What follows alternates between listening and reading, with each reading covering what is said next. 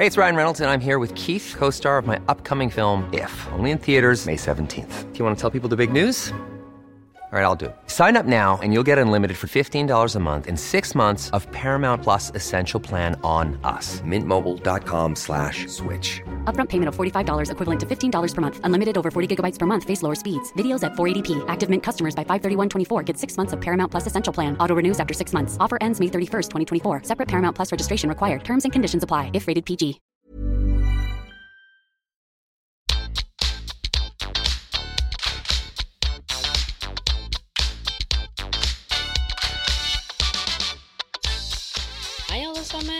Velkommen tilbake til podkasten Karriereveiledning med Elaine.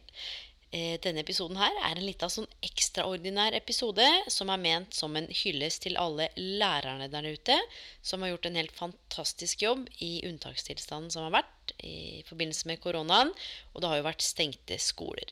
Jeg tar en prat med kontaktlærer på en videregående skole, nemlig Sandra Stubberud Buer. Hun deler altså sine tanker om hvordan hun har sett på det å undervise, planlegge og det å hive seg rundt og få en helt ny hverdag. Og ikke minst så snakker hun om omsorgen for elevene. Så jeg håper dere liker episoden. God lytt!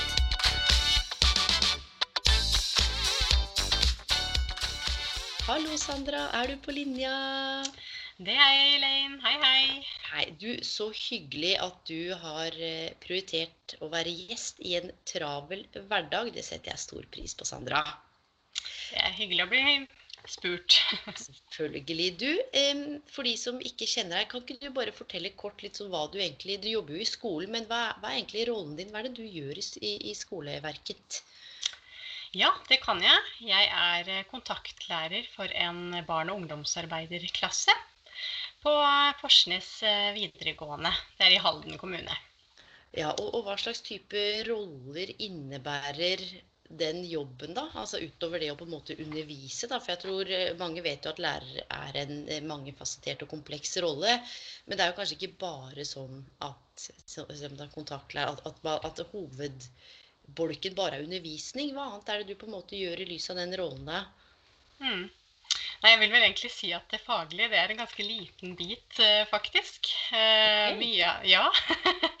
Fordi det er så mange andre ting som opptar tiden din da, i skolen.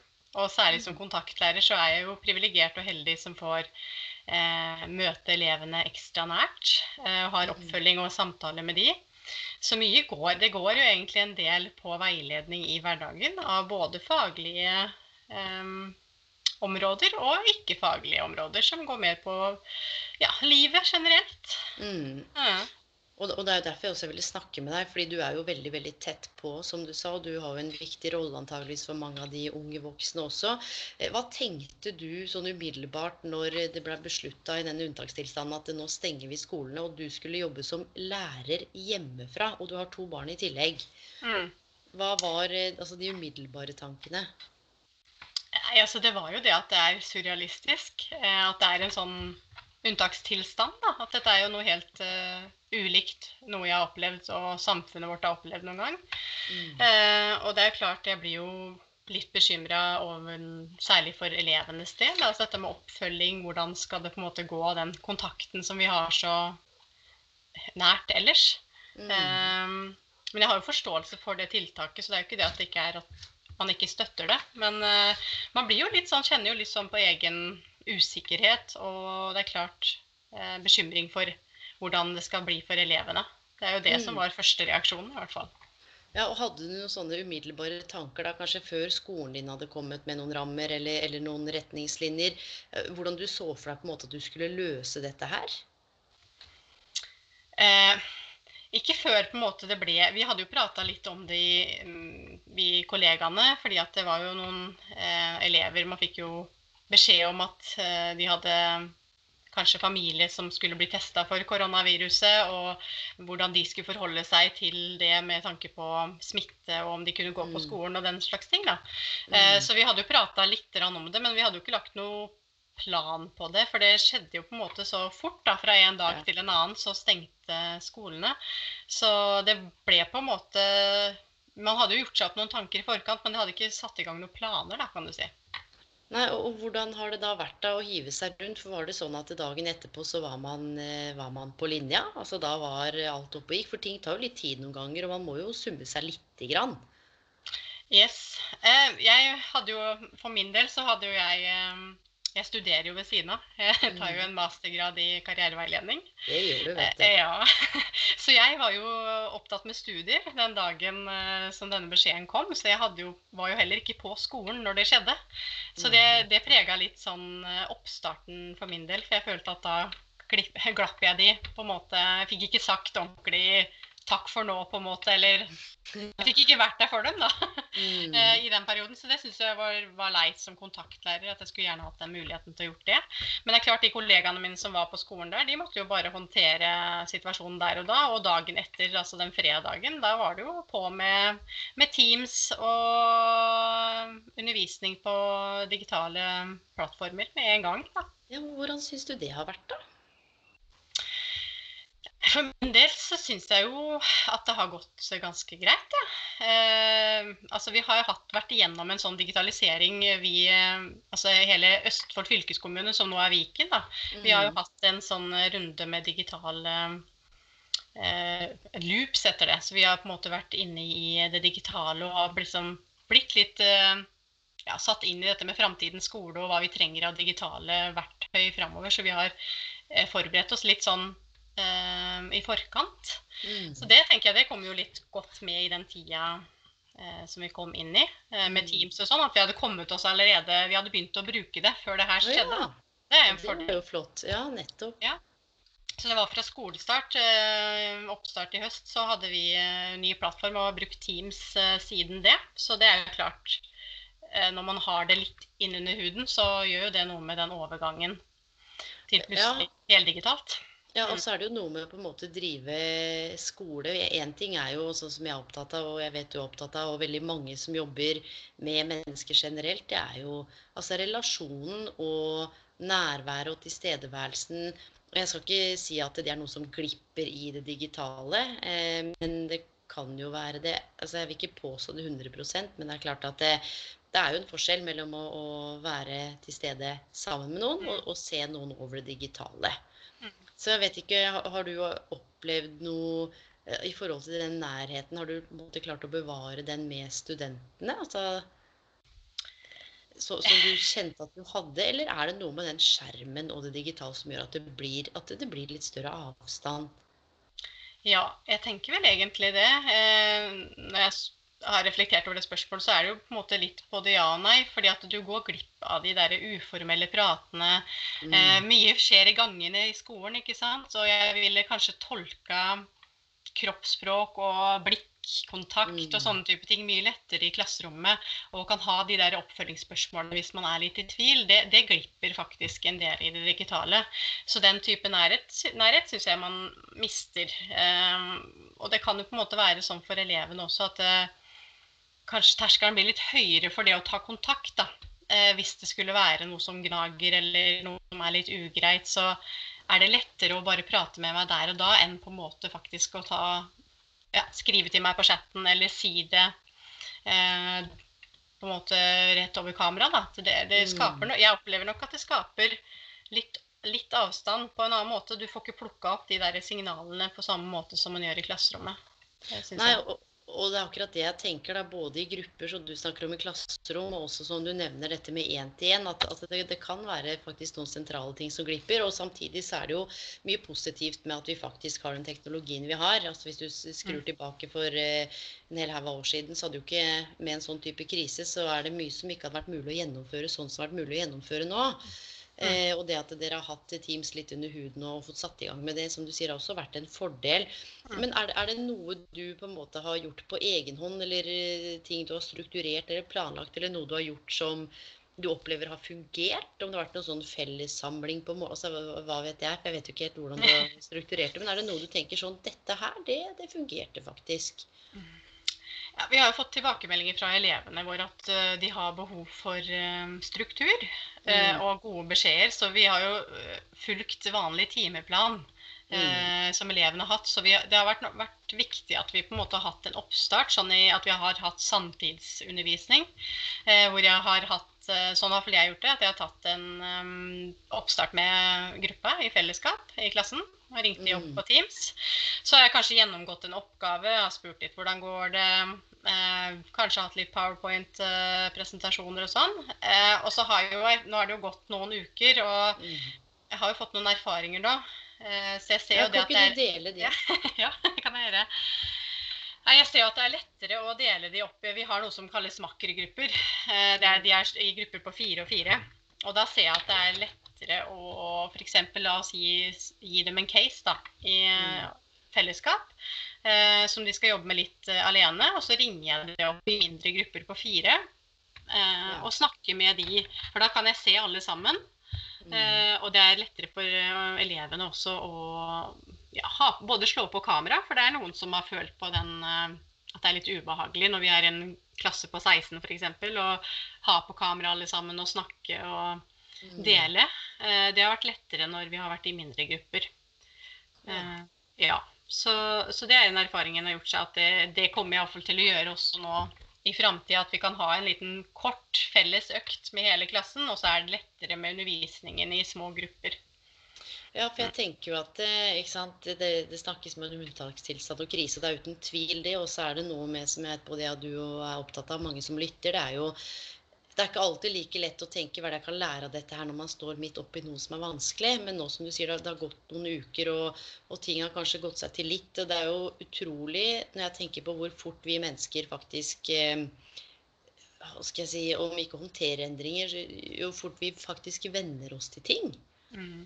Og som du sier, dette med å, trekke inn eh, videre, er det noen andre erfaringer du har gjort deg som du kjenner at om ikke du skal bruke den som man har vært positive, da, eller som du har vært overraska over? Jeg, jeg er enig med deg, Elin. Dette med at vi er jo vi er jo fleksible og omstillingsdyktige bare vi på en måte må. og jeg tenker den. Ja, og, og det, men, men det er klart, jeg kjenner jo at elever er jo ganske prisgitt den læreren de har, at den har litt digital kompetanse. For jeg har jo hørt fra andre at um, elever uh, kan slite litt med å komme seg på ordentlig på G fordi at læreren har litt uh, vanskeligheter med å forstå Mm. det digitale. Så det er Mm. klart det er jo svakheter og det er styrker. Jeg tenker um, Det positive er jo også at man, man lærer seg nye Kanskje blir bedre kjent med seg sjøl som menneske når man kjenner litt med at man står i situasjoner som man normalt ikke syns er helt innafor. Så er jo da du liksom kjenner at du, du lever, og du kanskje finner fram kompetanse i deg selv som du ikke helt visste du hadde. Det er jo Mm. når det blåser litt på toppen at man faktisk kjenner liksom hva er det jeg klarer og hva er det jeg får til, og kan få en god mestringsfølelse på å faktisk takle det. Ja, og så sa du innledningsvis at du er jo ordentlig Du sa ikke at du var glad i jobben din, det bare opplever at du er. altså Gjennom måten du snakker, og det er sikkert både, både gode og dårlige sider med, med et arbeidsliv som det er for mange. Men du sa noe med den nærheten, den omsorgen for elevene dine. Mm. Den har vel, vil jeg tro, vært til stede gjennom hele disse, eller alle disse ukene og hele denne prosessen, om kanskje ikke mer? Ja, jeg, jeg tilstreber å gjøre det. Jeg er jo glad i elevene mine, og vi har et Jeg har jo gode relasjoner, og jeg ser jo det at det bærer jo frukter. At vi har brukt Yes. god tid på å skape disse gode relasjonene, da. Og når man Mm. har det i bunn, så tåler jo de også mer, tenker jeg. Eh, og elevene vet på en måte hvor de har meg, og jeg vet også på en måte av hvordan jeg kjenner de når jeg kanskje bør eh, ta den ekstra telefonsamtalen eller stille de ekstra spørsmåla. Mm. Eh, men det er klart, jeg, jeg syns det er litt sånn for de som er de sårbare elevene. Det kan jo fort fø, føle, føre til da, at det blir ekskludering også. Fordi at kanskje man har dårlig nett. Eh, kanskje man ikke er så god på å strukturere seg til å gjøre, jobbe selvstendig. For det er jo ikke, det er jo mange elever som har gitt meg tilbakemeldinger på at det har blitt veldig mye oppgaver og mye selvstendig arbeid, og at de opplever å få en arbeidsmengde som blir utover det normale. Mm. Eh, så det er klart, når man da som ungdom ikke og allerede da kanskje syns det er litt vanskelig å strukturere seg og ha selvdisiplin, så blir det ikke lettere for de som Når jeg ikke har de fysisk, da, Mm. til å kunne ta tak i de og hjelpe de. Ja, og det har jo vært en sånn eh, hva skal jeg si, jeg har tenkt mye på det tenkt mye på, på, på en måte læreryrket. og Det er derfor jeg er så glad for at du ville være med. For det er noe med hva jeg tenker oppi mitt eget hode, og hva man kanskje leser i media. Og så er det noe med å snakke med noen som faktisk står i det, da. Og det er akkurat litt det du sier med altså disse sårbare elevene. Og det kan jo handle om eh, andre ting. Det er jo hjemmesituasjon altså, Det er mange faktorer som kan påvirke en elev eller et menneske, som vi vet. Mm. Og så er det jo noe med, som du sa, når man kanskje mister litt av den nærheten, at man kanskje ikke får fram helheten av hva som foregår, da. Og den opplevelsen av manglende selvdisiplin, kanskje manglende mestring, som du nevnte, på en måte du har kjent litt på at du har opplevd mestring i, i rollen din nå, for du har klart å hive deg rundt. Og så er det de som kanskje elevene som kanskje sitter og kjenner på at eh, de får kanskje litt lavere opplevelse av mestring, eller mindre opplevelse av mestring da, i den perioden. Og så skal man jo tilbake på skolen igjen. Mm. Og da er det jo noe med ikke sant, dette med hvor langt henger man etter, hva er det man har fått gjort. Og jeg er jo ikke i tvil om at du kommer til å på en måte ta tak i det. Men det er et eller annet sånn interessant tankekors, fordi det er mye fokus på digitalisering i samfunnet. Vet jo, Karriereveiledning er jo Der er det jo fokus på digitalisering. Mm. Men det er jo ikke ikke bestandig at digitaliseringen er for alle? Nei, eh, det er jo ikke det. Det er klart det gir jo mange muligheter. Yes. Eh, sånn som at man kan holde kontakt med, med, med, venner og bekjente, og man kan ha møter og man kan se mm. hverandre. Sånn, så det er klart det, det, gir jo gode muligheter, men det er jo for de som det at de savner skolen, elevene gir tilbakemelding på det, men de savner jo det sosiale. Eh, mm. Og for noen så er det der faktisk og, Så har de kanskje ikke noen uh, søsken, kanskje de ikke har foreldre som er så mye hjemme. Og det å gå alene med mange tanker som ungdom er heller ikke så lett. Eh, de får på en måte ikke stimulert de sosiale behova de har. Og da er det mm. klart, da kan jo tankene komme eh, fort når man sitter der hjemme. Så jeg er glad for at vi har eh, en elevtjeneste på skolen som også skal være med å bistå elevene eh, for å takle på en måte de litt vanskelige tingene. da. Mm. Så de sårbare elevene skal i hvert fall ha et tilbud, kanskje ha en miljøveileder som kan snakke med de, følge, med, følge de litt ekstra. Eh, og så er det også prat om at kanskje også de mer sårbare elevene skal få et tilbud nå på skolen til en viss grad og kunne komme inn i en fellesskap igjen, da. Mm, for, for, hvordan er det nå eh, med tanke på åpninga av ditt trinn og din skole? Hva er på tapeten der?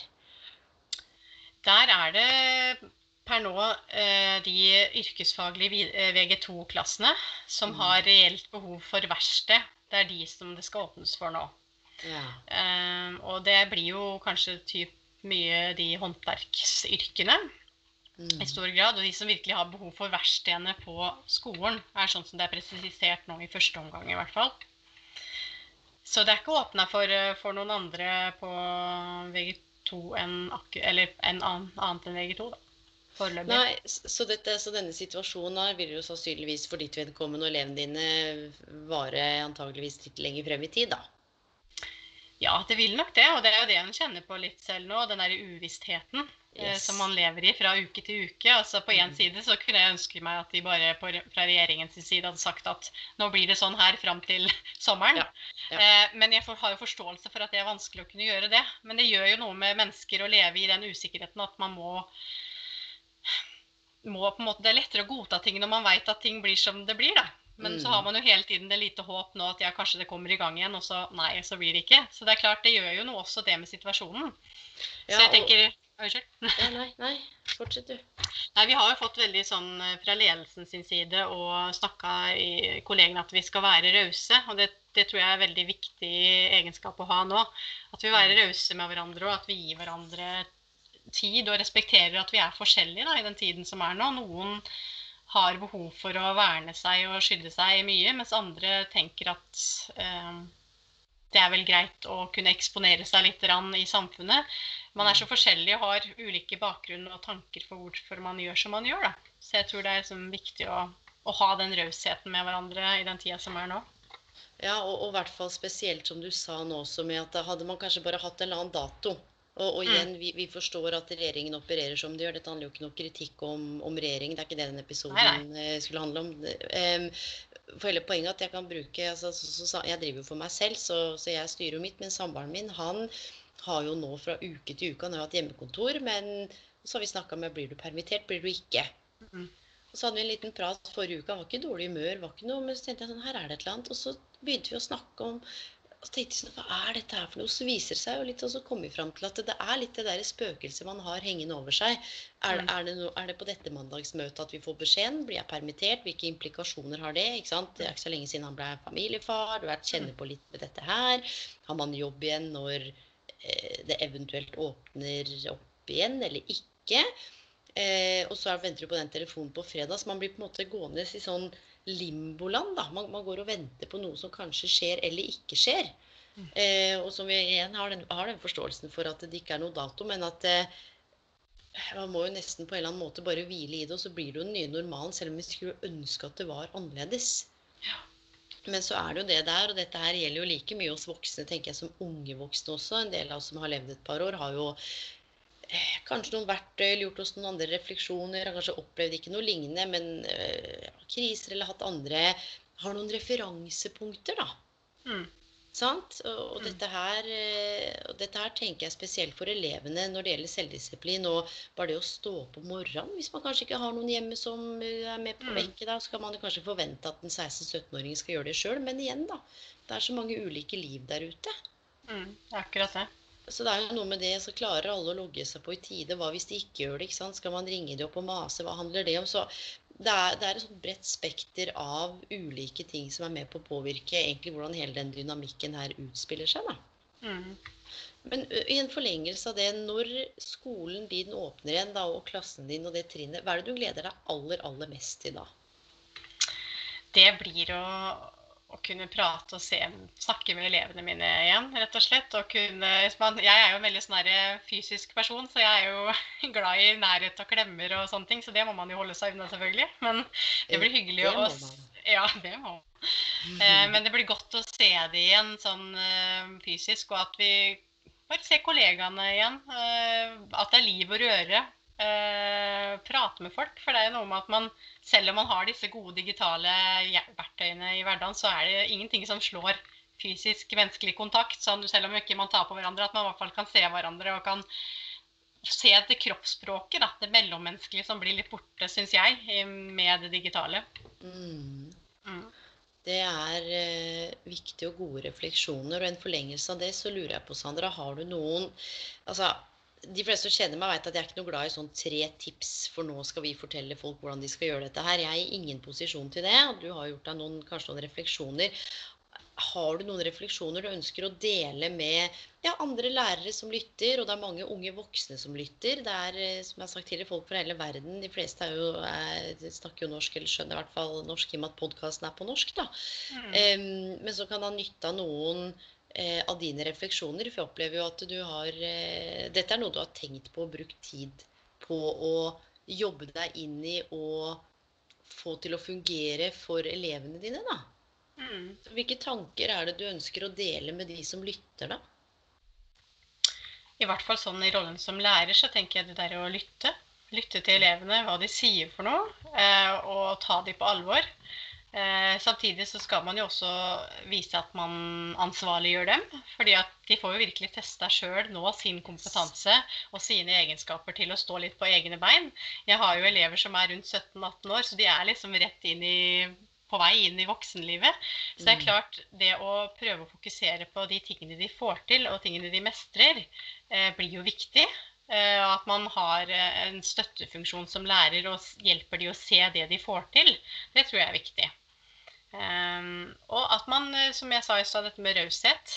eh, at, uh, at OK, istedenfor på en måte å bli irritert for at dette arbeidskravet ikke kommer inn, så må man kanskje tenke på ja, hva er det som gjør at ikke det kommer inn, da? Hvordan kan vi på en måte Mm. tilrettelegge for at det blir gjort? Og hva er egentlig det viktigste her? Uh, er det resultatet, eller er det prosessen på vei? Uh, er nok lurt. Og så må man kanskje tenke på dette her som en god måte å vokse som menneske. At Mm. man, eh, som jeg sa også, at eh, det der når man står i ting som er litt ubehagelig, da syns jeg i hvert fall at jeg har lært mest her i livet mitt. Mm. Det er Mm. klart man kanskje må komme litt ut på den andre siden før man oppdager dette, men det er jo noe med at det som skaper ubehag i mennesker, det er også det som er med på å gjøre at de vokser. Så Ja, Og det er så fine tanker, for det er klart når, når disse unge voksne du har, på en måte ser tilbake da, Mm. om, om altså et halvt år, et år frem i tid, så må jeg kunne tørre å si at rollen din er jo ganske så viktig. Nettopp i lys av de refleksjonene du delte nå, hvordan du kommuniserer med dem, hva du velger å fokusere på, hva kanskje som ligger bak at ting ikke har gått strømlinjeforma. da. Mm. Um, og at man kan se tilbake sammen og tenke at ja, men dette her, dette fikk vi til, og vi senka kanskje noen av krava. Vi, vi, vi skjønte at det var noe Det var en usedvanlig situasjon som kanskje også førte med seg noen usedvanlige utfordringer da, for noen. Så jeg tenker at det, det med raushet og rett og slett alle poengene du har hatt, er jo utrolig, utrolig viktig. Ikke bare for lærere, men for de fleste som har med mennesker å gjøre i den perioden her. Og så har jeg et lite sånn spørsmål på tampen, fordi du har jo to barn hjemme. Ja. Ja, Hvor gamle er de? Eh, Christian han blir eh, åtte snart. Og så har jeg Cornelia som snart blir fem. Så du har både vært eh, barnehagelærer og lærer på barnetrinn og lærer i videregående, holdt jeg på å si, kontaktlærer i videregående. Ja, jeg har fått god hjelp av mannen min. For så vidt han har også hatt hjemmekontor, så vi har, Ja, vi har um, en garasje som vi kan sitte på og jobbe. Så tar vi, Ah, bytte, tar vi bytte litt på eh, det oppfølgingsansvaret med skolegang og, og lek og pedagogiske aktiviteter, så, at man får det igjen. ja, ja. Mm. har du kjent på, på en måte at du plutselig har eh, flere roller på hjemmebane? Ja, jeg, jeg må jo si at man kjenner jo litt på den forventningene til å følge opp eh, særlig skolearbeidet da, til mm. eldstemann. Det har jo vært, eh, vært en ny rolle å sette seg inn i. Ehm, og det er klart, jeg, vi er jo heldige, eller jeg er heldig der jeg bor, så har vi et nabolag eh, hvor, det er, eh, hvor vi er godt bekjente og gode venner. Og de har også noen barn som er i samme alder, så vi har på en måte holdt oss veldig i nabolaget vårt. Så barna mine har vært heldige og hatt noen å leke med Ja, nettopp. eh, stort sett hver dag. Og det har vært fint vær. Det må vi jo virkelig være takknemlige for.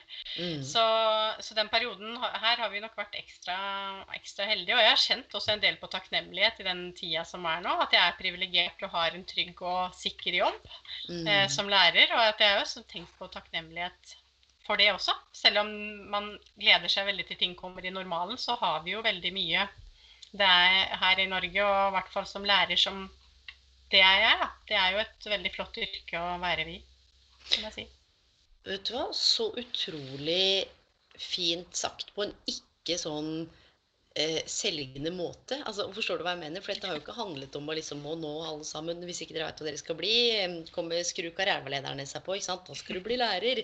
Men, men det er jo noe med å faktisk å reflektere rundt eh, noe av det du har gjort som du, du visste jo ikke at jeg skulle spørre om dette, her, det bare dukker opp litt sånne spørsmål underveis, så jeg blir plutselig nysgjerrig. Ja. Eh, men som du sier, den, den rausheten og den takknemligheten, da. For Mm. både det, det samfunnet vi lever i, og kanskje det velferdssamfunnet vi har, og hvordan de fleste gjør så godt de kan med det de har. Mm. Og ikke minst, Sandra, den eh, enorme hva skal jeg si, kjærligheten og omsorgen da, du har for elevene dine. De er jo fryktelig heldige som har deg. Ja, Det vet jeg ikke om de alltid syns, men det er jo lov å håpe. Innerst inne skal jeg si det, så veit de det, så syns de det. Men det er jo ikke alltid det kommer til uttrykk. Og det, ja, det Nei, har- kan man jo ja. Det er jo lett å være god med elevene når jeg har fine elever tilbake. Og jeg tenker vi spiller hverandre gode, for å snakke litt fotballspråk. Ja, Ja, Det tror jeg er kjempeviktig. Ja. Og så har jeg noe med å ha en god, god ledelse og ha ledere man kan, som man føler støtter en og, og ha ryggen din. Det tenker jeg også er veldig viktig for å kunne gjøre en god jobb som lærer. Og det føler jeg jo at jeg har hatt i den perioden her. Ja, for det er også et interessant aspekt. altså Hvilke krav og forventninger og føringer kommer ovenifra. Sant? Eh, Når situasjonen har blitt snudd på hodet, ikke bare for deg som lærer, men for alle som er generelle yrker som ikke har blitt permittert eller nedbemanna. Eh, Hvordan den kommunikasjonen med ledelsen, hvordan kulturen kanskje har vært og nå plutselig er, Mm. eh, som er ganske sentralt for hvordan samspillet og opplevelsen av å håndtere dette her i et form for eh, hva skal jeg si, isolert, men allikevel fellesskap, da. Mm. Har du vært flink til å på en måte, eller jeg liker ikke ordet flink, men har du også på en måte kunne ringe lederen din og lure på ting? Litt sånn som du ønsker for elevene dine, da. At de kan slå på tråden. Har du kjent på at du har liksom måttet tatt opp en telefon en ekstra gang og kunne spare, eller i hvert fall delt noen tanker? Absolutt. Jeg har jo verdens beste leder. Det har jeg faktisk. Og jeg har også de fineste kollegaene. Eh, så vi har veldig mye støtte, i hvert fall på avdelingen der hvor jeg jobber, så er det utrolig godt arbeidsmiljø. Og vi ønsker på en måte det beste for hverandre. Og det er på en måte bare en ta en telefon. Eh, eller ta Vi har jo brukt Teams også mye. Og snakka med hverandre og gi hverandre Det er en stor grad av delingskultur, da. Eh, så vi er som opptatt på å hjelpe hverandre og, og se muligheter. Og, og, for meg så er det ikke noe problem å ringe min leder dersom jeg trenger sparring, eller at jeg trenger noen tips og råd og veiledning. Eh, så det er eh, veldig godt. Og da, da, tenker jeg det gjør jo noe med meg som lærer og min yes. trygghet i yrket. Akkurat det som var mm. poenget, og den tryggheten i rollen og rollene du nå plutselig har, da, i en litt mm. annet format. Mm. Du Sandra, tusen, tusen takk for at du satte av tid til å dele dine kloke, ydmyke og veldig rause refleksjoner. Jeg kjente jeg ble sånn varm i hjertet. Jeg fikk lyst til å være elev i, i trinnet ditt, jeg. Ja. Så koselig. Ja. Tusen takk. Og, og jeg ante, ante, jo ikke helt hva du skulle svare heller. Vi har jo snakka sammen så vidt. Vi tar jo en master i karriereveiledning sammen. Eh, men akkurat dette her har vi liksom ikke satt oss ned og snakka sammen. Det er derfor jeg ville ha deg med, for du representerer jo på en måte en del av den eh, lærerstabben som nå ja, har måttet omstille seg ganske så kraftig. Så tusen takk, Sandra. Det var en fryd å lytte til deg. Og jeg vet at de som hører på, kommer til å tenke hm, her har jeg noe å lære. Tusen takk skal du ha. Tusen hjertelig takk, Elaine.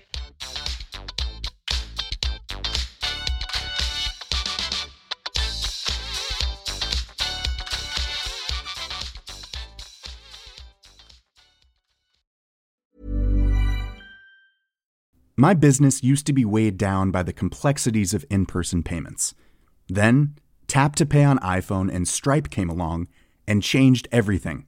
With Tap to Pay on iPhone and Stripe, I streamlined my payment process effortlessly. Now I can accept in person, contactless payments right from my iPhone. No extra hardware required. What's truly remarkable is how I can cater to all of my customers' payment preferences. Whether they're using cards, Apple Pay, or other digital wallets, Tap to Pay on iPhone and Stripe ensure a smooth checkout experience every time. And it's not just me. Stripe helps businesses of all sizes, from local markets to global retailers, scale quickly and stay agile. To learn how Tap to Pay on iPhone and Stripe can help grow your revenue and reach, visit stripe.com/tapiphone. Ever catch yourself eating the same flavorless dinner 3 days in a row, dreaming of something better? Well, HelloFresh is your guilt-free dream come true, baby. It's me, Gigi Palmer. Let's wake up those taste buds with hot, juicy pecan crusted chicken or garlic butter shrimp scampi. Mm. Hello Fresh. Stop dreaming of all the delicious possibilities and dig in at HelloFresh.com. Let's get this dinner party started.